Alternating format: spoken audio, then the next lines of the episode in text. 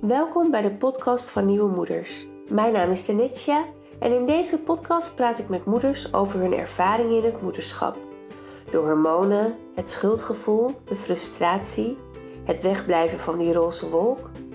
In de Nieuwe Moeders podcast vind ik het belangrijk dat we het eerlijke, rauwe verhaal vertellen over het moederschap. Want het is niet alleen unicorns en butterflies. In deze podcast wordt gelachen, worden ontroerende verhalen gedeeld en het meest belangrijke, het is een eerlijk verhaal.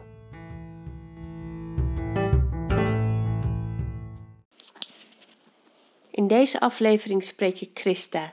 Christa doet samen met haar man zendingswerk in Brazilië. Een jaar geleden is zij moeder geworden en zij vertelt over hoe bijzonder het is om in Brazilië uh, een kindje groot te brengen, maar ook hoe heftig um, haar bevalling is geweest in een ziekenhuis waarin alles anders gaat dan bij ons in Nederland. Ja, kun jij iets over jezelf vertellen? Um, nou, ik ben Christa, hè? 30 jaar. Uh, ik ben getrouwd met een Braziliaan. Zelf ben ik Nederlander. Hij is uh, vijf jaar jonger. We hebben elkaar in Brazilië leren kennen. Eh, wij doen beide zendingswerk. In het zendingswerk hebben we elkaar ook leren kennen. En eigenlijk was het voor mij onmogelijk om zwanger te worden. En het is toch gelukt om helemaal op natuurlijke wijze uh, spontaan zwanger te zijn als verrassing. Ja, want wanneer, wanneer, want wist je dat al lang, dat het onmogelijk voor jou zou zijn om zwanger te raken? Uh, het was verteld door een dokter toen ik 12 was. En dat werd eigenlijk bevestigd toen ik 23 of 24 was. En ben ik nogmaals naar een gynaecoloog geweest voor allemaal onderzoeken. En toen werd het echt verteld van, nou ja, er is een, hè, een kans met heel veel hormoontherapie of uh, een buitenlichamelijke plaatsing hè, van een spermacelletje in een eicel. En dan zou het mogelijk zijn, maar op natuurlijke wijze zou ik het echt uh, uit mijn hoofd moeten zetten, zeg maar, die hoop opgeven. Ja. En goed, ja, daar was ik best verdrietig om. Ja, want je wil als vrouw zijn, tenminste ik als vrouw zijn, dat echt het verlangen om moeder te worden. Mm -hmm. Dus wel in gaan lezen over adoptie, hè, daar er klaar voor zijn. Maar ja, toen kregen we toch de verrassing dat ik zwanger was. wat goed. Hey, en wat, hoe ver uh, waren jullie toen al getrouwd? Of uh, uh, waren jullie toen net samen? Hoe ging dat? Want je vertelt dat je je man tegen bent, of hebt ontmoet in Brazilië. Um, was jij daar op vakantie? Was je aan het studeren? Wat was je daar aan het doen? Een soort van studeren. Um, ik kwam echt uh, in Brazilië om een trainingschapschool te doen voor zending. Dus dat was in het Engels en Portugees een voorbereidende scholing, zeg maar een cursus van acht maanden in totaal. Om in de zending te werken uh, met de focus op ch children, kinderen die in risicoomstandigheden leven. Ik had echt zoiets van, hè, wat mag ik nou als invulling met mijn leven doen? Ik zal nooit van mijn leven moeder kunnen worden. Dat had ik dus net allemaal te horen gekregen. En goed, toen kwam de gelegenheid om in Brazilië deze cursus te volgen. En om in de favela hier te werken, in een sloppenwijk te werken met kinderen die geen liefde kennen. Hè? En zodoende heb ik hem leren kennen. Hij werkt in dezelfde sector hier. Aha, dus een Braziliaan. Yes. ja. Hey, en toen um, uh, bleek dus dat jij wel uh, zwanger kon, uh, kon raken doordat je opeens zwanger was. Ja, wij zijn best kort na anderhalf jaar dat we elkaar leren kennen, zijn wij getrouwd. Wij mhm. zijn christelijk, hè? dus wij, wij zijn eerst gaan trouwen voordat we bij elkaar samen gingen wonen. En, dus ik was al wel getrouwd toen ik zwanger werd. En dat was, ik denk, we waren net zes maanden getrouwd en toen had ik ineens een buikje wat aan het groeien was. Dus. Oh. en toen, wat ging er toen in je om? We waren heel erg dankbaar dat we zwanger mochten zijn. Dat was eigenlijk iets wat we gewoon uit ons hoofd hadden gezet. Maar we hadden wel heel veel dingen van, oh, dit is wel snel, is het wel de juiste tijd? want we hadden natuurlijk geen voorbehoedsmiddelen gebruikt, omdat ik toch niet zwanger zou kunnen worden. Dus er waren wel heel veel dingen van, oh, ja, we zijn nu aan het begin van ons zendingswerk. Hè. Wij werken dan met Indiaanse stammen diep in de Amazone. Hoe gaan we dit allemaal doen, toekomstgericht met kinderen? Ja. En goed, maar de dankbaarheid was gewoon zo groot dat we eigenlijk gewoon besloten stapje voor stapje te genieten eerst van de zwangerschap. Voor al het plannen en denken van wat het in de toekomst zou brengen aan problemen en nadenken oplossen. Ja, en gaf dat rust om er zo mee om te gaan? Ja, ik heb, uh, wij woonden, dat was, ik, ik hou echt van de natuur, dus ik woonde daar midden in de Amazone. Kon ik gewoon genieten in de natuur van, hè, van een buik die aan het groeien was. Dus dat was gewoon echt heel bijzonder. Ja. ja. Iets wat je uit je hoofd had gezet. Iets waarom je eigenlijk boos en verdrietig om was in het leven. Ja, daar heb ik wel heel bewust van genoten. Ja. Nou, dat snap ik. Maar ik snap ook wel dat het een soort van, want je weet eigenlijk al van heel jongs af aan, denk je van hé, hey, ik kan niet zwanger raken. Ehm, dat is waar je op instelt in je leven. En opeens blijkt het ehm, wel uh, zo te zijn. Moest je ook nog even schakelen? Of was die vreugde vooral gelijk heel groot? Eigenlijk omdat mijn ongesteldheid uitbleef en wij zijn gelijk naar de gynaecoloog gegaan door die ongesteldheid die uitbleef. Uh, van wat is hier? En toen zagen we dus op de echo dat ik echt zwanger was. Dus het werd echt mhm. gewoon waarheid. Ik zag gewoon een levend iets in mijn buik en ik was ja, blij en ontroerd. Ik denk, ja, ik denk niet dat ik echt een moment van omschakeling uh, nee. nee, nee, nodig Geweldig. Dus toen liep jij door de Amazone. Ik zit ook helemaal voor me met een mooi, mooie buik en een, en een jurk. En ehm, heb, je, heb je verder een goede zwangerschap gehad? Weinig kwaaltjes? Ja. ja. Ik heb meer in Brazilië is het heel gewoon om elke dag zwarte of bruine bonen te eten. Ja. En op een gegeven moment, en rijst. En op een gegeven moment had ik echt zoiets van, ik kan dit niet meer eten. En ik moest echt gewoon terug naar de Hollandse pot, even gewoon aardappelen, dat soort dingen. Ik werd gewoon echt misselijk van het eten, omdat ik denk dat mijn lichaam dat gewoon echt niet gewend is, het hele leven. Ja. Dus dat is eigenlijk het enige dat ik als kwaaltje heb gehad, dat ik moeite had met sommige dingen te eten. Maar verder. Ja. Nee. nee. Nou, wat heerlijk zeg. En um, nou ja, je zei net van het eigenlijk zou het heel lastig zijn met een kindje daar diep in de, in, in de Amazone. Ehm, hoe is dat uiteindelijk gegaan? Waar ben je? Ben je in het ziekenhuis bevallen? Ja, helaas wel. het, het zou wel een natuurlijke bevalling zijn. Uh, Maar het is een spoedkeizersnede geworden. Hmm. Ehm, dat heeft best een trauma opgeleverd voor mij en voor mijn man. Het is allemaal niet heel soepeltjes gegaan. Nee. Uh, maar verder, Saulo, ons zoontje, is helemaal gezond en alles erop en eraan. Maar ja. Wij zijn, we hebben verschillende reizen gemaakt naar een Indianenstam. Um, en dan moet ik zeggen dat dat best lastig is omdat je als Nederlandse moeder en als Braziliaanse vader die twee culturen bij elkaar moet leggen. Mhm. En dan ben je ook nog eens op een plek, want mijn man is van Rio de Janeiro, is van een stad. En dan ben je ook nog eens in de Amazone, wat een plek is waar we allebei geen levenservaring hebben. Dat was best pittig.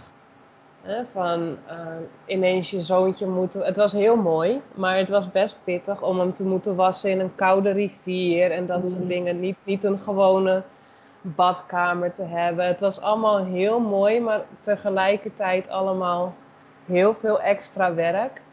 Ja. Waarvan we achteraf nu wel denken. We zijn op dit moment vanwege de coronasituatie even in Rio de Janeiro.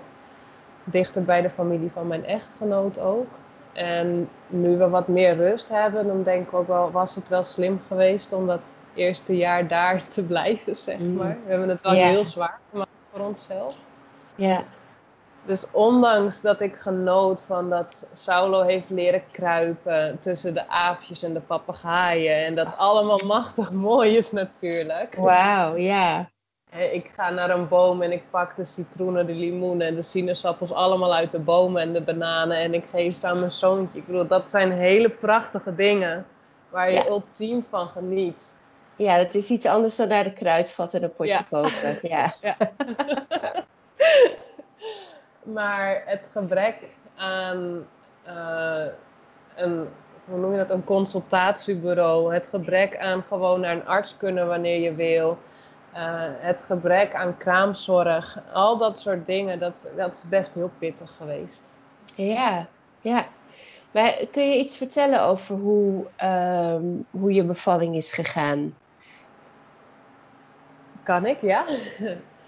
Ehm, het begon, de hele zwangerschap is gewoon goed gegaan. Zonder enige kwaaltje. Saulo groeide gezond. Eigenlijk was alles perfect om waar te zijn, hè? Laat ik Ja, het zo zeggen. En op de laatste dag van de zwangerschap begon 's ochtends rond een uurtje of zeven eh, begonnen de eerste weeën. En had ik contact gezocht met mijn gynaecoloog, die ook tijdens de bevalling ons zou begeleiden. En die zei, nou, het, het gaat nu nog, kan vanavond dat je zoontje komt, maar het kan ook zijn dat het zo nog drie dagen duurt. Maar kom maar even langs, dan kijken we even hè, of alles helemaal goed zit in de buik. eh, hoeveel centimeter die er nou daadwerkelijk op zit. Nou goed, dan zat ik nog maar op 1 centimeter. En toen had hij ons aangegeven van als je nou voor een uur lang ongeveer elke vijf minuten echt je weeën hebt. Hè, neem dan even contact met me op, want dan is het tijd om naar het ziekenhuis te gaan. Nou goed, dat was s'avonds rond een uurtje of elf dat ik elke drie tot vijf minuten echt weeën had. Dus Mhm. daar hebben we contact opgezocht en zijn we naar het ziekenhuis gegaan. En daar lag eigenlijk een fout van mijn gynaecoloog. Die was weggegaan uit het ziekenhuis. En eh, op dat moment eh, dat een andere gynaecoloog eventjes ging observeren hoe het nou allemaal was en hoeveel centimeter ik zat. Deze andere arts die inviel op dat moment. Vanaf in Brazilië moet je ook voorstellen dat je in een ziekenhuis bent met gaten in de muren, met een vieze vloer. Je hebt een rij met vrouwen en jonge meisjes met dikke buiken. Allemaal sta je te wachten met je weeën. En het is vies en smoeselig. het is even alle emoties erbij. En toen kwam de invalarts aanlopen en ik zei tegen mijn echtgenoot, hij bevalt me niet. Mm. Maar goed, op het moment dat ik in de beurt wa- aan de beurt was, ehm, moest ik toch zijn kamertje in. Ik was aan de beurt in zijn kamertje. En je bent zo erg met die weeën dat je gewoon hup, zo snel mogelijk geholpen wil worden. Dus ik ben gewoon naar binnen gelopen. En hij was daar samen met een stagiaire. Dus hè, ik ging liggen en die stagiaire die zei dat de hartslag van mijn zoon heel erg laag was. Dus de arts zegt, nou dan ga ik straks nog even kijken. En toen voelde hij en toen zei hij dat ik nog steeds op 1 centimeter zat. dus dan ben ik vanaf 7 uur s ochtends tot 11 uur s avonds met flinke weeën nog steeds op 1 centimeter. En toen Ja. zei ik, nou dat zat ik vanmorgen vroeg ook wel, dat lijkt me sterk. En toen werd hij boos op mij dat ik hem ongelijk gaf. Hij heeft Mm. staan schreeuwen tegen mij en mijn echtgenoot. Nou, dat was echt een sch- een schok. Ja, En toen zei de stagiaire dus tegen hem nogmaals dat die hartslag van mijn zoon heel laag was.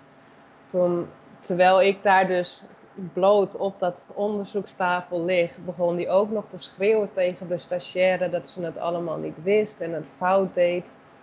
En toen stak hij nogmaals zijn hand naar binnen en dat deed zoveel pijn. En Saulo, mijn zoontje, sprong op in mijn buik. En op Oh. dat moment gooide hij dat apparaatje op mijn buik en zei zie je wel, de hartslag is gewoon normaal. Je bent gewoon verkeerd aan het meten. En toen zei hij dat we s'nachts dan om drie uur, drie uur s'nachts even terug moesten komen bij hem. Nou ja, goed, mijn echtgenoot stond al te schreeuwen en woeden en die wist niet meer wat te doen. Toen heb ik hem nog geprobeerd te kalmeren van, joh, we bellen gewoon onze eerste gynaecoloog terug op. En we Mhm. leggen de situatie uit en wat is nu het handigste. Want eh, om bij het ziekenhuis te zijn vanaf de plek waar wij wonen in de Amazone is een uur rijden over een zand- en kleiweg met heel veel kuilen en gaten. Dus de optie om terug naar huis te gaan was er ook niet meer. nee. Dus toen hebben we uiteindelijk bij iemand vanuit een kerk waar wij eh, naartoe gingen, daar hebben we in huis mogen blijven. eh, om het even aan te kijken van wat gaan de weeën nou doen. Daar begon het echt eh, met diarree en overgeven. Mm. En ik ben echt ziek geworden. Dat, en je bent dan ook nog in een vreemd huis van mensen van wie je de taal nog een beetje aan het leren bent ook. Dus- Ja, ja. in een andere cultuur. Ondanks dat ik met zoveel liefde ben ontvangen, ik kon gewoon niet meer ontspannen. En ik was gewoon zo bang omdat die stagiaire twee keer had gezegd hè, dat die hartslag zo laag was. Dus uiteindelijk heeft mijn echtgenoot gewoon onze arts opgebeld van joh, waar rij je nu naar het ziekenhuis toe en ik wil dat je er nu heen komt. Toen is hij daarheen gegaan. Eh, toen bleek ik dus inderdaad, het was rond een uurtje of 1, half 2 s'nachts. Toen bleek ik inderdaad al op 7,5 centimeter te zitten. In plaats van op 1. Ja, En eh, de hartslag van Saulo, ze zeggen dat een hartslag rond de 120 slagen per minuut zou moeten zijn van een babytje. En Saulo Mhm. zat op 60, een constante hartslag van 60. ja. Dus de arts zegt ook van sorry, maar ik weet niet hoe lang die al zo'n lage hartslag heeft. Eh, ik kan hem nu niet laten zitten. Ik heb geen idee hoeveel uren hij al aan het lijden is. Dus als je echt voor een natuurlijke bevalling wil gaan, is dat prima. Maar dan zal je nu ter plekke een andere arts moeten zoeken. Ik ga dat risico niet lopen. Mhm. Nou ja, goed, met al je emoties en weet je, haal hem er maar uit. Ja, Het enige wat je wil is dat je kind gewoon gezond ter wereld komt en dat hij niet hoeft te lijden, niet onnodig hoeft te lijden. Dus goed, eh, mijn echtgenoot had al heel veel nachtmerries gehad de afgelopen weken dat ik zou komen te overlijden tijdens de bevalling. En die moest in het ziekenhuis allemaal formulieren ondertekenen dat als ik kwam te overlijden, dat het onze verantwoordelijkheid was. Dus die trok het eigenlijk ook niet meer. En we waren met z'n tweeën, er was verder niemand bij natuurlijk. Hij mocht er wel bij zijn in de operatiekamer, dus dat was dan wel heel fijn. Maar daar is eigenlijk alles heel kalm. Tijdens de operatie is alles heel kalm en rustig verlopen. En ik denk dat binnen een half uur had ik Saulo aan mijn borst liggen. Mm. En ondanks dat ik achteraf heel veel momenten had van woede, van frustratie, eh, het niet goed genoeg zijn als moeder omdat ik geen natuurlijke bevalling had gehad. Hè. Het was een operatie, dat was best wel Mhm. een faaldingetje van mij als moedergevoel. Eh, kon ik gewoon ultiem genieten dat Saulo Hup in één keer gelijk eh, de borst had gepakt. En dat, Ja. dat, dat kalmeerde me zo van oké, het is allemaal goed. Hij heeft gehuild, hij drinkt uit mijn borst, hij ligt hier veilig in onze armen. Het is goed. Ja, Dus dat is een Zo. beetje. wat een heftig verhaal. En, en ook omdat je daar ook in een ander land inderdaad ligt. Ja. Ehm, heel ander ziekenhuis, maar ook niet in je moedertaal. Ja. Hè? En, en, ehm, maar wat, wat, wat me wel raakt, wat je zegt, is dat je zegt van ik, het, het, het voelde als falen dat, die, ehm, dat ik het niet op de natuurlijke manier heb kunnen doen. Ja. Hoe lang heb je daar nog eh, last van gehad, van die gedachte? Ik denk wel ongeveer, ongeveer pak een beet zes maanden. Dat Ja. ik daar best wel depressief over ben geweest. Ja, En dat ik hem daardoor elk moment dat hij huilde, dan moest hij in mijn armen zijn, dan moest ik hem melk geven, dan moest ik hem troosten. ja, Eh, ik, ik moest goed genoeg voor hem zijn als moeder.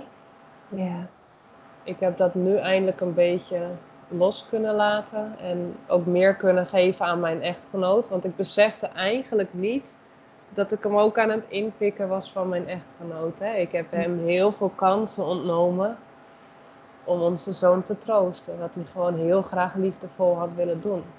ja, Omdat ik zo graag een goede moeder wilde zijn, zeg maar, heb ik. En de lat zo hoog heb gelegd. Ja. ja. En wat was het moment ehm, dat je dat een beetje los kon laten? Eigenlijk omdat ik niks meer kon. Nee. Ik kon niet meer een afwasje doen. Ik kon niet meer gewoon een gesprekje hebben met mijn echtgenoot. Ik was zo depressief geworden, omdat ik zo moe was, dat ik het eigenlijk moest accepteren dat het gewoon goed was. En doordat ik toen eigenlijk alles verplicht moest overgeven aan mijn echtgenoot, toen kon ik inzien wat een zegen het eigenlijk is als je het gewoon samen doet. Dat is heel simpel, maar. Ja. Hè? Dus ja. En heeft. Ja. Nee, vraag me. Heeft, um, hebben jullie daar tussendoor ook wel eens over gehad? Of, of um, ja, ontstond dat? Uh, hij heeft het heel vaak geprobeerd. Moet ik zeggen dat ik zo gefocust was uh, op die leugen dat ik faalde als moeder. Dat het eigenlijk heel vaak uitliep in een ruzie. Omdat ik echt dacht dat hij mij aanviel. En als hij gewoon eigenlijk aanbood om te willen helpen, om mij te kunnen steunen, om mij liefde te geven en rust te geven, kwam het bij mij binnen als van zelfs dit ben je niet goed genoeg in, laat mij het maar doen. Het, het was mm. zo'n. Ja. Ik zat echt verstrikt in een depressie vol van leugens. Ja, ja, ja. Heftig.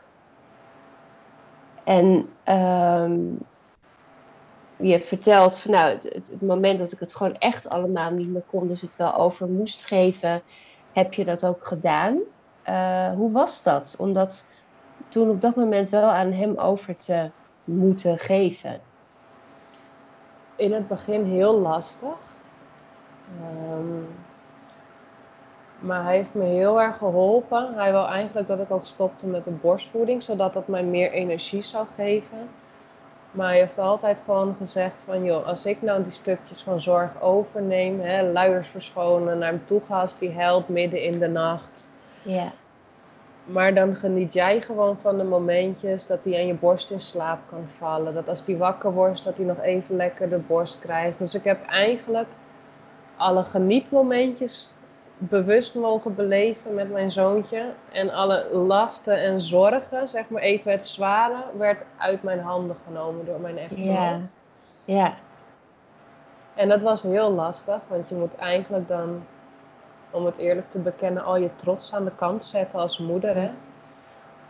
Maar goed, het is gewoon heerlijk achteraf om te beseffen dat een man ook gewoon heerlijk kan zorgen en ook goed kan zorgen. En als die een keer zijn broekje verkeerd om aan heeft, dan is dat niet zo heel ja, erg. Zeg nee. weet je? ja. ja, ja, ja. Maar wat lief van hem dat hij dat uh, op die manier met jou gedaan heeft. Dat hij gewoon echt eh, dat tegen jou zei: van ga jij nou genieten, ik doe al die zorgmomenten. Dat hij ook die uh, ja, die klik heeft kunnen maken uiteindelijk. Hè? Ja. ja.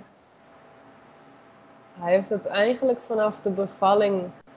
Hij wist dat dat gewoon zo zwaar voor mij was. Het is ook echt wel een traumatisch moment voor hem geweest. Uh, en ik denk omdat hij weet, ik heb uit mijn verleden al heel veel dingen meegemaakt. En hij wist dat dit gewoon eigenlijk, hij voelde het al aankomen dat het op een moment heel erg verkeerd zou gaan. Mm. Dus ik denk, hij heeft het natuurlijk al vaak geprobeerd over te nemen, maar hij heeft gewoon echt gewacht van wanneer kan ik dat vangnet eronder gooien, zeg maar. Ja. En daar heeft hij heel bewust naartoe geleefd, ja. Ja, ja. Wat mooi. En wat heeft dat voor jullie samen gedaan, voor jullie relatie? Um, op dit moment heel erg goed. Maar ik moet zeggen, het eerste jaar van ons zoontje hebben wij heel vaak gedacht van oeps, gaat ons huwelijk nog staande blijven? Er zijn heel veel fikse ruzies en miscommunicaties. Ja, het was een hele pittige periode. Mm maar goed, op dit moment zijn wij natuurlijk al voor een half jaartje hier in Rio. En doordat ik nu helpende handen om me heen heb, af en toe gaat hij voor twee uurtjes naar een goede vriendin van ons toe, die ook een dochtertje heeft. En dan moet ik zeggen dat hulp accepteren van vertrouwde mensen, hè, niet van Mm. zomaar iemand dan. Eh, dat helpt enorm. Dat niet alles zelf willen en verplicht moeten doen als moeder zijnde. Ja. Niet de lat zo hoog willen leggen als perfecte moeder willen zijn. En dat doet heel goed voor ons huwelijk. Dat ik gewoon Ja. hulp aanneem van hem, maar ook van buitenstaanders. Dat we ook eh, momentjes creëren voor ons samen. Ja. En gewoon proberen te zoeken van eh, hoe is het de juiste manier om hulp aan te bieden. Hè? Als je gewoon binnenkomt van, oh dat doe ik wel even. Of gewoon Saulo, hè, mijn zoontje uit mijn handen pakte om een luier te verschonen. Dan was ik heel erg abrupt, abrupt eh, verrast eigenlijk. Met van, hè, waarom neem je het nou uit mijn handen om zijn luier te verschonen? Dat kan ik toch ook van, doe ik het niet goed of wat dan ook. Mhm. Maar gewoon van, nu komt hij even rustig binnen en dan geeft hij een kus en dan zegt hij, hey, ga jij even lekker zitten met je kopje koffie of je kopje thee. Dan doe ik Saulo lekker douchen en een luier verschonen. En doordat we gewoon veel meer rustig communiceren en stapje voor stapje zeggen wat we doen voor de ander, dat creëert ook een hoop rust. Het spreekbaar maken hoe we elkaar willen helpen. Ja, Zodat die miscommunicatie weg is, zeg maar. wat mooi. Ja.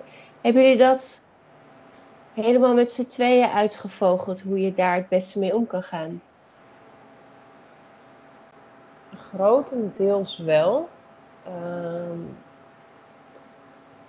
we hebben wel heel veel advies gevraagd aan onze moeders en omstanders, hè, uit onze kennissenkring. Alleen alles is gebaseerd op of de Nederlandse cultuur in een perfect huis, hè, laat ik het zo zeggen. Ja, Met een crash en een consultatiebureau en noem maar op. Of volledig in een Braziliaanse stadscultuur. Dus het is voor ons heel moeilijk geweest om die twee culturen bij elkaar te brengen. Eh, ik heb ook vrienden aangesproken die wij dan kennen vanuit de zending, die ook twee culturen hebben hè, Mhm. in hun huishouden. Van hoe doen die dat? Nou ja, en het is een beetje wegen. Hè? De ene keer zegt de een ja en de andere keer zegt de ander ja. En goed, wij lezen zelf natuurlijk heel veel in de Bijbel en christelijke opvoedboeken die ook gewoon heel veel rust geven. Mm. En daar een beetje in zoeken. ja. Ja, dus het is echt dat jullie de hulp van, van, van de anderen, zeg maar, binnengelaten hebben, waardoor je ehm, ja, dat even bij jullie zelf eh, vandaan hebben gehaald ook. Want als je met z'n tweeën gaat modderen, wat, wat logisch is, want je staat met z'n tweeën natuurlijk in die situatie, dan kun je ook heel erg blijven zitten in, nou, in die patronen en, en in die, eh, die gedachten die je hebt. En heel krachtig dat jullie de hulp eh, en de wijsheid van anderen ook heb, hebben aangenomen. Maar wa- wat ik me dan afvraag is, kun je een voorbeeld geven van ehm, die cultuurverschillen? Dus, dus opvoedingstips eh, Braziliaans en opvoedingstips Hollands? Eh, het is eigenlijk best grappig, want Lucas, mijn echtgenoot, is de Braziliaan en ik ben Nederlands. Maar in gedrag ben ik meer een typisch Braziliaanse moeder en hij meer een typisch Nederlandse vader. Oh, echt waar? Dus ja, dat geeft extra frustraties mee. Ehm, maar in Nederland krijg je als tip van het consultatiebureau van als je kindje niet wil slapen, dan laat je hem gewoon lekker huilen. Af en toe 10 minuutjes, af en toe een half uur. Dat is prima. In Hmm. Brazilië is het not done om je kindje te laten huilen. Nee. In Brazilië slaapt een kindje tot ongeveer drie, vier jaar bij de ouders of naast het bed. In een wiegje of zelfs in het bed. Ja, En niet op een eigen kamertje. ja, ja. Dus het zijn, hè, je hebt je kindje altijd bij je. En eh, de Braziliaanse cultuur komt natuurlijk af van de slaven uit Afrika en de Indianen die hier oorspronkelijk woonden. Mhm. En allebei deze culturen hebben altijd de kinderen bij hun. In een hangmat, in een draagdoek. Dus dat is heel sterk hier. En dat is ook iets wat ik heel erg heb. Ik weet niet of dat is omdat Saulo zo abrupt uit mijn lichaam is getrokken Mhm. met een keizersnee. Dat weet ik niet. En dat hij ja, wellicht op dat moment dacht ik dat hij zou stikken in mijn buik en het niet zou redden. En dat ik daardoor zo dat overweldigende gevoel heb dat ik hem altijd bij me moet hebben. Ja. Maar Lucas is er heel erg in geweest om hem gewoon eh, te trainen om alleen te slapen en te laten huilen. En ik heb echt, ik kan er niet tegen. En ik heb echt het nodig dat ik gewoon Saulo lekker klopjes op zijn buik geef totdat hij in slaap valt. Of over zijn wangetje blijft strelen. Ja. Ja. Ja. En hoe gaan jullie met die verschillen om? We hebben eigenlijk een soort van oplossing gevonden. Is dat ik gewoon lekker Saulo op bed leg. En Ja. s'nachts gaat Lucas er naartoe. En dat is de eerste twee weken inderdaad flink krijzen geweest. Want dan gaf Lucas een paar klopjes en dan liep hij de kamer uit. Mhm. Maar na twee weken, Lucas hoeft nu alleen maar gewoon sh- sh- sh- in, de- even door de deur te zeggen. Saulo slaapt wel op een apart kamertje dan. Eh, maar hij slaapt gewoon. Hij heeft dat s'nachts gewoon geleerd. Maar omdat Ja. Lucas mij ook wil respecteren in mijn moedergevoel en mijn manier van liefde tonen aan onze zoon, dat wil hij gewoon respecteren. Ja. Dus dan leg ik s'avonds gewoon Saulo op bed en tussen de middag op mijn manier. En als ik er tussen de middag of een avondje niet ben, hè, als, als we aan het werk zijn of wat dan ook, en Saulo, eh, Lucas moet Saulo op bed leggen, dan mag hij dat prima doen op zijn manier. Ja. Ehm, maar ik weet dat als mijn echtgenoot hem op bed legt wanneer ik thuis ben, dan gaat het fout, zeg maar. Omdat ik het gewoon psychisch niet aan kan om hem te horen huilen. Dus Nee. dat hebben we gewoon afgesproken dat niet meer te doen, zeg maar. Nee. Nee. Goed. Ja, langzamerhand leer je. Ja. Want hoe oud is eh, Saulo op het moment? Saulo is nu een jaar en acht maandjes, nog best jong. Ja. Ja. Leuk. Hey, en hoe moet ik het me voorstellen? Want jullie wonen dan nu in Rio, dus in de stad. Ja. Hoe, ja, hoe, hoe moet ik me dat voorstellen? Hoe, hoe wonen jullie in een... Eigenlijk, eh, ja, wij wonen vanwege ons zendingswerk in een favela, dus dat is een sloppenwijk. Ja, Ehm, we hebben hier ons eigen huisje met een heel klein stukje, ik denk twee bij vier meter, waar die voor ons huis binnen een paar muren kan spelen, zeg maar. ja, En een sloppenwijk is echt een, een dicht bebouwde. Het, we wonen op een berg. Ook Ja. even om een beeld te hebben. En dan op die berg klimmen allemaal op elkaar gestapelde huisjes met kleine steegjes en trappetjes tussendoor. Dus Ja. het is een heel anders iets dan de Amazone. Waar Saulo Ja. gewoon vrij rond kon kruipen en noem maar op. In de natuur is die nu heel beperkt. ja, Ehm, maar het leven hier is een stukje gemakkelijker voor ons, aangezien we veel makkelijker toegang hebben tot naar een dokter gaan, eh, naar de supermarkt gaan, naar een apotheek gaan. Dus al met al, je hebt alles veel dichterbij. En meer bekender voor ons in onze leefpatronen, hè, omdat we beide in een Ja. stad zijn opgegroeid natuurlijk ja, momenteel zitten we natuurlijk in de lockdown. Lockdown. soort van, ja. Want ja, de hele stad Rio de Janeiro is in een lockdown. Maar een lockdown dat werkt niet in een sloppenwijk. Want hoe gaat dat dan? Mensen leven hier natuurlijk van dagelijkse inkomsten. Dus mensen moeten naar buiten hè, om broodjes te verkopen. Eh, hier ga je namelijk, in Rio is het echt een cultuur om elke dag verse broodjes te halen. Dus Mhm. goed, iedereen moet naar buiten. Je haalt je groenten. Mensen proberen hun vruchten van de bomen te verkopen om zelf een beetje eten te kunnen hebben. En goed, wij werken momenteel natuurlijk heel veel met voedselpakketten eh, bij elkaar stellen en dat uitdelen aan de mensen die echt in armoede leven. Dus zodoende dat wij ook niet in lockdown kunnen zijn. Mhm. Dat er gewoon zoveel mensen in nood zitten, momenteel zoveel mensen in hongersnood zitten, in zware armoede. Dat we gewoon, kunnen wij het eigenlijk niet maken om binnen te blijven zitten. Nee. Maar eh, als iedereen hier naar buiten gaat, dan is het gewoon verplicht om met handschoenen en mondkapjes te zijn. Dus daar houden mensen zich wel aan, aan de afstand houden ook. En de oudere mensen blijven dan wel binnen, maar het leven gaat gewoon door. En je hebt natuurlijk ook de drugsbendes eh, Ja. in zo'n stoppenwijk. Ja, ga jij maar tegen iemand met een geweer zeggen: hé hey joh, je moet naar binnen, want uh, corona-lockdown. Ja, dat, dat werkt gewoon niet. Nee, nee. Dus Dus hoe zie je het dan ehm, eh, voor je, hoe dat dan, ja, hoe dat dan gaat zijn qua eh, wanneer de, de corona dan bij jullie weer een beetje gaat liggen? geen idee. Nee.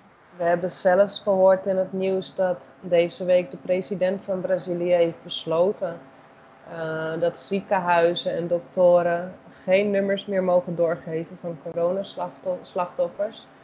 Uh, dus eigenlijk weten we niet hoeveel slachtoffers er zijn. Er zijn ook niet genoeg testen hier in Brazilië. En alleen al van de Sloppenwijk waar wij in wonen en werken, uh, zeggen ze dat er nul patiënten zijn. Geen één patiënt is van corona. Maar toch overlijden er gewoon bijna dagelijks mensen aan corona. Ja. Dus hoe het nou werkelijk is en hoe het nou gaat worden, dat weet eigenlijk niemand. Nee. Nee. Nee. Heftige, ja, bijna uitzichtloze situatie. Ja. Ja. ja. Maar goed, de, de bevolking van hier is, heeft veel meer angst voor de armoede en de honger uh, hè, dan voor het ziek worden aan corona. Ja. Die angst is gewoon veel groter. Ja. De Ja. mensen waren al arm en nu is zelfs dat beetje eten, dat beetje rijst en dat beetje bonen wat ze elke dag hadden, dat hebben ze momenteel niet meer. Mhm. Dus ja, dat, Ja. Nou, ja, heftig. Weet je, ieder land gaat er op zijn manier mee om. En, en ehm, kijk, in, in Nederland gaat het op dit moment eh, redelijk. Hè, de cijfers gaan de goede kant op. Eh, maar ook omdat we het natuurlijk hier allemaal ehm, ja, vrij goed geregeld hebben. Hè? En dat we allemaal rijk, rijk genoeg zijn om eh, ja, het wel even te redden zonder, ehm, ja, in sommige gevallen ook eh, zonder inkomsten. Maar ja, in zo'n land als Brazilië, dat eh, dan even ander, eh, andere koek. daar Ja. zijn we wel heel blij. Er zijn heel veel mensen vanuit Nederland, vanuit Engeland en noem maar op, die heel veel hebben gedoneerd, waardoor wij heel veel voedselpakketten eh, kunnen kopen. Dus dat de mensen in ieder geval elke dag gewoon hun koffie kunnen maken, gewoon elke dag rijst en bonen hebben. Ja, crackers in plaats van brood, maar in ieder geval is er een ontbijt. Alles wat niet slecht kan worden, niet over de datum kan gaan, dat ze dat in ieder geval in huis hebben de komende tijd. ja, Dus dat is een beetje hoe we het proberen beter te maken, zeg maar. ja, ja, ja. Ja. Ja, het is een vreselijke situatie, sowieso. Ja. Hey, en ehm, nou, jullie zitten dan nu in, in Rio in verband met eh, eh, de coronatijd.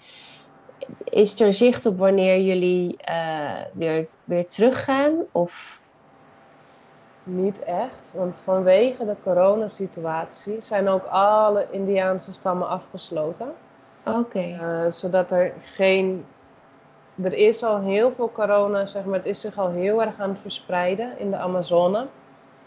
En er zijn vele Indiaanse stammen die daar helaas heel veel aan overlijden. Eh, dus Mhm. stammen echt uitgekampt worden. Maar als wij van buitenaf binnen blijven komen, hè, dan neemt dat nog meer risico's met zich mee om nog meer te verspreiden. Ja, Dus vandaar dat de overheid heeft gezegd dat er niemand van buitenaf meer binnen mag komen. En daardoor is het ook gewoon onduidelijk wanneer hè, deze regel dan weer verdwijnt. ja, Wanneer het weer voor ons mogelijk is om terug te kunnen naar de Amazone. ja. Ja. Daar zijn we van afhankelijk. Ja, inderdaad. En als je diep in je hart kijkt, wat, wat zou je het liefst eh, willen? Het liefst willen is terug in de Amazone. Ja, Maar als ik eh, realistisch kijk, dan ben ik gewoon dankbaar dat we op dit moment hier zijn. Wij zijn nu in een sloppenwijk waar een team is van misschien 10 mensen, 12 mensen. Dus wij kunnen hier zoveel helpen. mhm, Eh, met al die pakketten rondbrengen en mensen gewoon eh, mondkapjes geven, alcoholgel, zeep en dat soort dingen. En in de Amazone kunnen wij momenteel niet heel veel doen. nee, Eigenlijk niks. nee. Dus wat dat betreft hebben wij er gewoon heel veel rust in dat we op dit moment hier zijn. Het is goed dat wij hier zijn. We hebben helpende handen om ons heen, zodat wij stabieler kunnen worden als gezin. Hè? mhm, We merken echt dat er gewoon heel veel rust in ons gezinsleven is gekomen. En wij kunnen hier gewoon heel veel andere mensen helpen. Dus het is gewoon echt een cadeautje om op dit moment hier te mogen zijn, zeg maar. ja, ja, Alhoewel het wel lastig is. Bij Indianen nu worden heel veel eh, goudzoekers en de omliggende sojaboeren, die zijn heel veel Indianen ook aan het uitmoorden om hun landen te kunnen krijgen. En op dit moment is er geen controle meer vanuit de overheid. Er zijn geen ontwikkelingsmedewerkers meer, want alles is natuurlijk weggestuurd. ja, Dus de Indianen leven ook in een veel groter gevaar dan alleen maar de armoede en het coronavirus. Hebben ze ook nog dit gevaar er nu bij gekregen. Dat heel erg aan het groeien is en het uitbranden van de bossen stijgt ook enorm. Dus dat zijn dingen wat moeilijk is.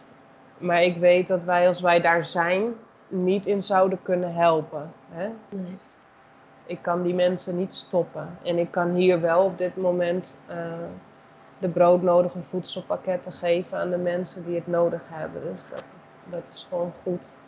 ja, ja. Dus eigenlijk leven jullie een leven ehm, waarin je ehm, ja, ingezet wordt daar waar je nodig bent. Ja. En ehm, ja, daar teken je natuurlijk voor. Als je, eh, denk ik, als je eh, zendingswerk gaat doen. Bijvoorbeeld ontwikkelingswerk. Hoe is het zendingswerk? Is het ontwikkelingswerk? Hoe, hoe moet ik het zien? Ik denk, Allebei. ik denk voor als je naar de kerk gaat, dan noem je het zendingswerk. Ja. En zendingswerk, dat, dat gaat niet los van ontwikkelingswerk. Wij kunnen niet eh, de Bijbel uitleggen of iets over Jezus vertellen zonder ook praktisch te helpen. ja. Hè? Dat, dat, dat staat naast elkaar. Daar, daar geloven mijn man en ik tenminste werkelijk in. Ja. Ik kan niet zomaar iets gaan eh, leren zonder het ook in praktijk te brengen. Nee. Eh, dus ik denk dat het samen gaat, ja. Ja. Beide. Ja. Ja. Ja. Ja. Goh. Nou, Ja, en Saulo gaat er natuurlijk ook gewoon in mee, hè? Ja. Ja. Ja, hij, hij leert dan op hele jonge leeftijd al wennen aan nieuwe situaties en eh, eh, omstandigheden. Ja. En wat is jullie, ehm, wat is jullie toekomstperspectief? Blijven jullie in eh, Brazilië wonen? Ehm, Ehm, voor de komende jaren is ons gevoel inderdaad om gewoon in Brazilië te blijven. ja, ja, Ik heb zelf absoluut geen verlangen om naar Nederland te gaan. nee, Nee, ik heb ook niet zo. Ja, tuurlijk voor verlof hè, gaan we één keer in de twee jaar voor een maandje, anderhalve maand naar Nederland. ja, Eh, wij worden natuurlijk gesponsord door kerken en vrienden. we hebben familie en vrienden en familie daar. Dus goed, die wil je wel één keer in de zoveel tijd zien. Ja. En het is ook belangrijk voor Saulo dat hij ook gewoon de cultuur van Nederland en dat hij Nederland gewoon leert kennen van jongs af aan. Mhm. Maar ik heb nou niet zoiets van, oh ik wil echt terug naar Nederland. Nee, mijn hart ligt wel hier en ik weet dat ik op de juiste plek ben. Ja. Ik denk dat het scheelt dat ik niet hier ben gekomen vanwege mijn huwelijk. Hè. Ik ben hier Mhm. eerst naartoe gekomen omdat ik wist dat ik hier wilde zijn en de rest is er achteraan gekomen. Ja. Maar goed, als wij over een paar jaar eh, naar Afrika worden geroepen of weet ik veel ergens anders, dan staan wij daarvoor open om daarover na te denken. Dus ik kan niet met zekerheid zeggen.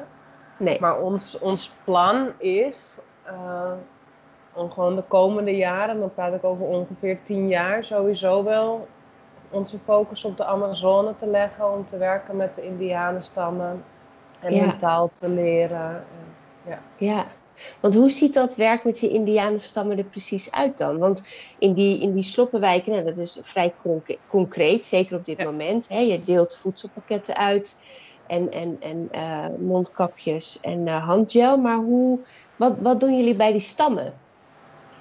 Eh, in eerste instantie is ons doel om hun taal te kunnen leren. Wij werken natuurlijk dan met Bijbelvertaling, dus het is cruciaal dat je de taal leert. Ja, En de taal leer je door dagelijks met hen om te gaan. ja, Daarbij, als je dagelijks met hen meeleeft, dan zie je gewoon heel veel problematiek. Dagelijks problematiek. Eh, dat overheidsorganisaties hebben hun voor de afgelopen 10 jaar, 15 jaar ongeveer een soort van uitkering gegeven. Waardoor ze heel erg afhankelijk zijn geworden van geld. Eh, en daardoor spreekt de nieuwe generatie spreekt alleen nog maar Portugees, niet meer hun moedertaal. oké. Ze weten niks meer van het jagen, niks meer van het verbouwen van eigen groentes of de vruchten of de medicijnen vanuit de bossen. Dat wordt niet meer geleerd. En wat gebeurt er nou nu ze deze uitkering hebben? Ze gaan naar de stad om hun eten te kopen. De jongeren gaan naar de stad en leren alcohol en drugs. En Mm. Momenteel is er gewoon heel veel problematiek om al, eh, met alcohol en drugs in de Indianenstammen. Heel veel gaan kapot eraan. Eh, het gaat zo ver dat als er geen alcohol aanwezig is, dat ze de, uit hun kanootjes, zeg maar, die hebben van die kleine motortjes achterop om het iets makkelijker te maken om te gaan vissen, dat soort dingen. Ja, Halen ze de benzine eruit om de benzine op te drinken om dronken te kunnen worden. zo. Er is verder eh, één basisschool voor verschillende stammen. Dus dan komen ze van verschillende stammen, lopen ze een uur, soms anderhalf uur. En dan is er één docent op de hele dag die Mhm. aan alle leeftijden, dus dan heb ik het over van 4 jaar tot 16 jaar, les geeft. Zo, Waardoor elke leeftijdscategorie ongeveer een uurtje les krijgt. En dan wordt er gezegd dat ze naar school gaan, maar eigenlijk leren die kinderen niks. Dus nee. de overheid eh, leert ze afhankelijk te zijn van de overheid. Ja, Maar vervolgens kunnen al deze nieuwe kinderen en nieuwe jongeren kunnen nooit aan een baan komen omdat ze niet weten hoe ze moeten schrijven, niet weten hoe ze moeten lezen, niet weten hoe ze moeten rekenen. Ze halen, weet niet of iedereen in Nederland het misschien kent, de paranoten. Dat zijn hele dure noten die je kan kopen Ja. in Nederland. ja, De Indianen gaan voor drie maanden lang gaan ze heel diep het oerwoud in, weg van hun stam. Die noten halen ze hoog uit de bomen. Doen ze allemaal de schil afhalen en dat wordt hier voor een schrijntje verkocht. mhm, Waarom? Als jij aan een Indiaan een stapeltje met biljetten laat zien, dan denken ze dat ze rijk zijn. Ze hebben Ja. geen idee wat onze nummers en waarden en noem maar op zijn. Nee. Dus ze worden gewoon echt voorgelogen en bedrogen. ja, En daarin is het heel erg belangrijk dat je ze ook gewoon een stukje kan leren hoe onze westerse cultuur werkt. De basis in rekenen, de basis in economie, dat ze gewoon weten hoe ze prijzen moeten berekenen, hoe ze dan eventueel ook voor hun familie kunnen zorgen. Want op dit moment, ze zijn allemaal graadmager. Ze weten niet meer hoe ze Mm. moeten verbouwen. Ze hebben niet genoeg om aan hun eigen voedsel te komen. Nee. Zodoende kom je ook weer op het ontwikkelingswerk terecht. Ja. Hè? Ja. En ondanks dat je zegt, ah, ik ben daar gefocust op de taal leren, help je dus gewoon in al deze praktische dingen mee van wat kan ik betekenen hè, om hun leven beter te maken. Als er één iemand is in de stam of twee personen in de stam zijn die kunnen lezen, dan zetten Mhm. ze niet klakkeloos een handtekening op een papier waardoor ineens Nee. de overheid een stuk land komt innemen. Maar dan heb je iemand die daadwerkelijk kan lezen, die het voor kan dragen aan hè, alle oudsten van de stam. En dat ze dan gezamenlijk kunnen beslissen van wat is nou juist voor onze stam. Ja. Ja. Ja. Dus zodoende komt het ook meer op ontwikkelingswerk in lesgeven, eh, in helpen in de wederopbouw van de stammen. Ja, ja. En heb je het idee dat het met een vooropgezet doel is dat de eh, overheid dat is gaan doen? Of is het gewoon dommigheid? Ja, het is een heel gevoelig onderwerp. Eén, ik heb niet alle kennis van de politiek, dus het is best gevaarlijk om daar mijn oordeel over te uiten. Ja, ja. Maar ik zie het wel als iets wat heel erg uitgedacht en voorbereid is. Ja. Zo ervaar ik het. Ik mag niet zeggen dat het zo is, Nee, maar zo ervaar ik het. ja. En, maar jullie worden dus wel, ehm, nu dan niet, maar eh, wel toegelaten in die gebieden om de mensen te helpen. Eh, het ligt echt aan de stam. Op dit moment, wij zijn bij één stam nu waarvan echt de opperhoofd ons graag wil helpen. Mhm. Eh, vooral omdat er veel meer Engels wordt gesproken en veel meer. Er komen heel veel journalisten ook vanuit Amerika naar hun stammen toe om video's op te nemen. Eh, dus ze willen ook bijvoorbeeld heel graag dat er één persoon van de stam Engels leert spreken. Ja, Dus voor hun is het echt van wauw, als jullie hier kunnen komen, dan hebben we altijd iemand bij ons die Engels kan. Eh, we hebben, mijn echtgenoot is op papier, is hij ook wiskundedocent. Eh, dus hij kan gewoon heel veel eh, leren aan hun wat gewoon belangrijk zal zijn in hun leven, wat levens zal redden in hun stam. ja, Eh, als jij op zo'n manier een relatie, een vriendschappelijke relatie met de opperhoofd eh, kan scheppen, dan laten ze je toe. ja, Maar er zijn ook indianenstammen die zoiets hebben, nee, we willen er niks van weten. Er zijn er ook een hoop die zo gemanipuleerd zijn door de overheid, dat als ze enigszins contact zoeken met iemand van buitenaf de overheid, dat ze weten dat ze problemen zullen krijgen, dus die leven vanuit angst. ja, ja, Dus, maar wij zijn dankbaar voor de stam waar wij mee werken dan. Eh, Ja. Waar het opperhoofd gewoon echt ziet dat ze hulp hierin nodig hebben. En dat ze die hulp ook echt eigenlijk aan ons hebben gevraagd of wij... We zijn daarheen gegaan voor een maand om gewoon contact te maken en hoe het zou gaan en kennis te maken. En hij Mm. daarna aan ons heeft gevraagd als opperhoofd na een heel overleg met de stamleden, met de oudsten van de stam, dat het beter is als wij zouden blijven en of we een huis voor ons mochten maken van hout dan, hè? Een simpel huis. Zonder badkamer, zonder keuken. Dus het is even Ja. heel anders. Maar Ja. gewoon die, die gastvrijheid die aangeboden werd van alsjeblieft, wij willen voor jullie zorgen, maar zouden jullie hier alsjeblieft ons willen helpen? ja, Eh, dat is het belangrijkste, dat de hulpvraag echt vanuit hun komt natuurlijk. ja, ja, En dat je niet hulp gaat opleggen, want dan Ja. werkt het averechts. Ja, ja. Nou, mooi. Ik probeer me een beetje een voorstelling van te maken, maar dat kan natuurlijk helemaal niet. Nee. is heel lastig. Ja. Ja, ja, ja, ja. Hey, even weer terug naar ehm, jou als moeder. Yes. Ehm, even ter afronding, want we zijn al bijna een uur aan het praten. Ik denk dat we nog uren door kunnen gaan. Maar wat, wat zou jij. ehm, kijk, en, en, en dan ben je een, eh, een jaar en acht maanden verder. Dus ik kan me voorstellen dat bepaalde dingen echt nog heel vers ook eh, zijn, ook qua gevoel. Maar wat zou je tegen jezelf eh, willen zeggen ehm, tegen die Christa van in die eerste zes maanden? Als je nu terugkijkt naar die tijd. Uitrusten. Veel meer Ja, uitrusten. Uitrusten en genieten.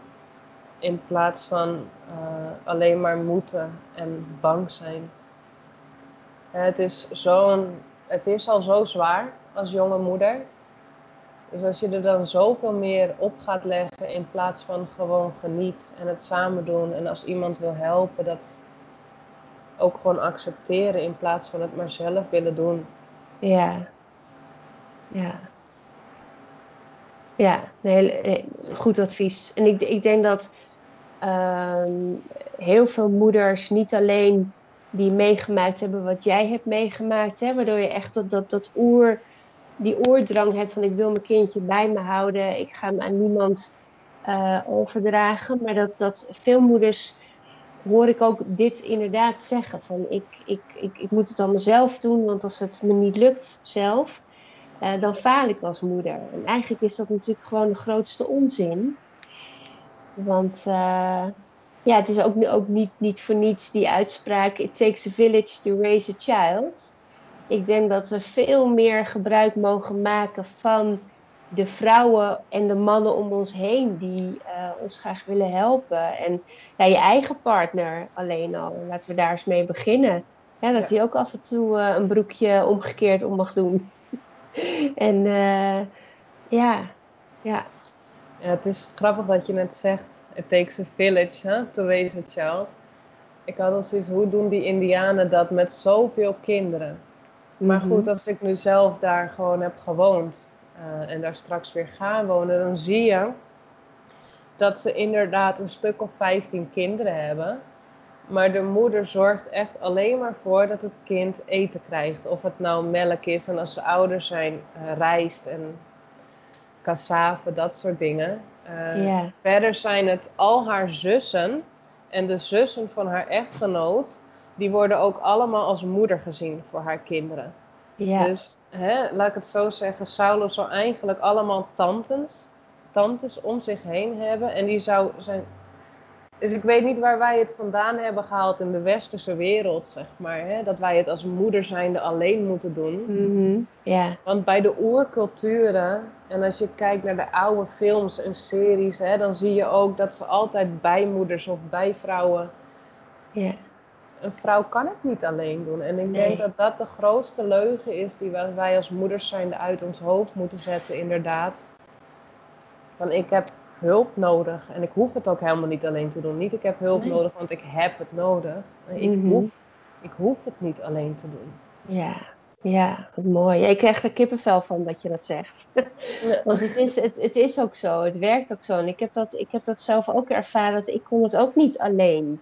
En ik had die, die vrouwen om mij heen nodig die ook voor mijn kind zorgden. En dan heb je het gevoel van ik faal, want, want ik laat iemand anders voor mijn kind zorgen. Maar inderdaad, ehm, we mogen het met elkaar doen. En dat, eh nou, dank je wel voor je, voor je wijze woorden. Dankjewel voor dit gesprek. Ja. Ik ga